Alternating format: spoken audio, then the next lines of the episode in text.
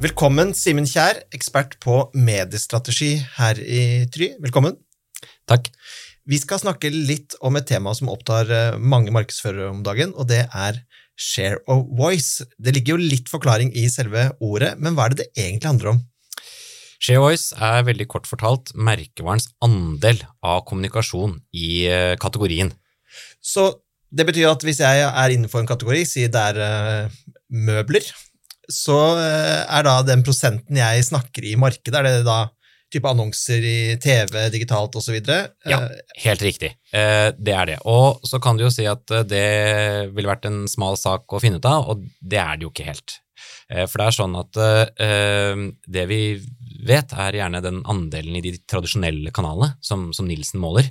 Så vil man få uh, bruttoinvesteringer, som på en måte blir denne stemmen.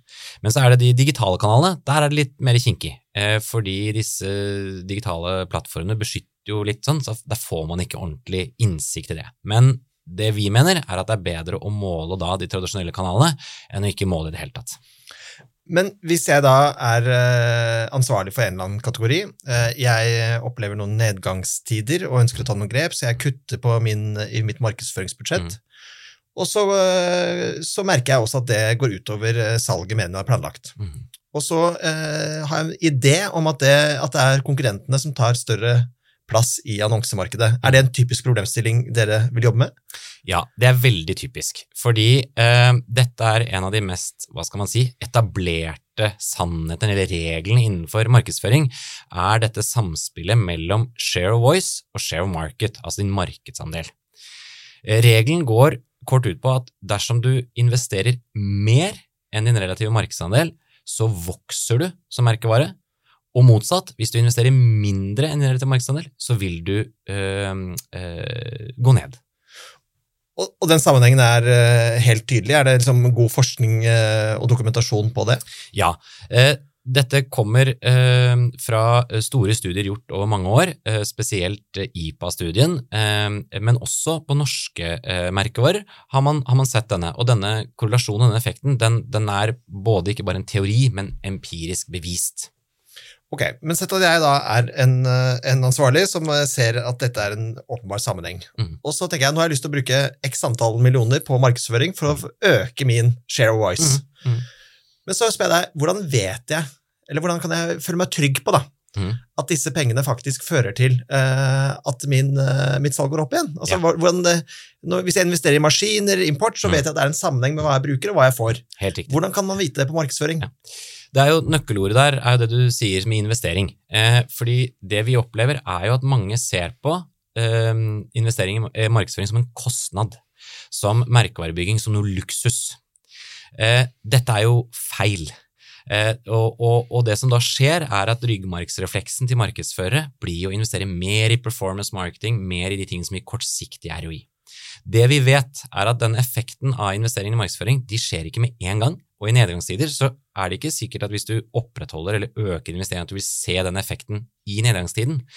Men det vi ser alle disse studiene peker på, er at når markedet tar seg opp igjen, så er det de eh, merkevarene som har opprettholdt investeringen sin, eh, opprettholdt sin share of voice, de vokser fortere enn markedet når markedet går opp igjen.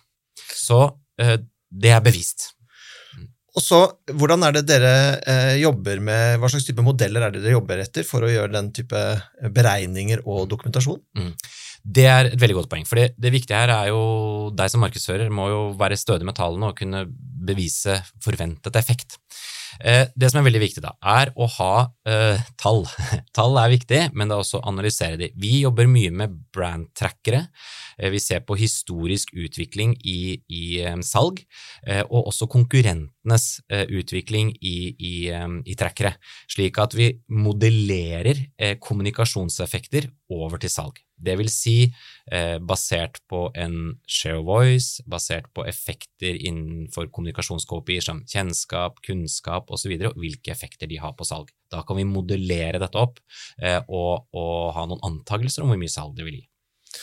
Og de som eh, lykkes eh, godt med dette, det er de som da er bevisst på ShareWise, at de er til stede i markedet, og, og hvis man skal øke, så må man åpenbart eh, investere mer. Ja. Men så er vi vel også i tider hvor når markedet går litt ned, sånn som tiden vi er inne i nå, mm. så er det også kanskje enklere å gjøre gode investeringer? Er det riktig? Det er helt riktig. Vi ser jo at når investeringene går ned, så er det jo klassisk tilbud etterspørsel, så kan man få bedre avtaler i mediene. En tilleggsdimensjon er jo også selvfølgelig at denne ryggmargsrefleksen om å redusere investeringene, det er det jo mange som gjør. Så hvis du er den aktøren i markedet som i hvert fall opprettholder investeringen din, så blir jo da relativt sett share voicen din høyere, og du vil komme styrket ut av det. Så står du sterkt i det du har gjort, så øh, sånn sett vil det være lettere da, i nedgangstider. Tusen takk, Simen Kjær. Jeg ble mye klokere på ulike begreper. Share of voice, blant annet. Tusen takk for at du kom.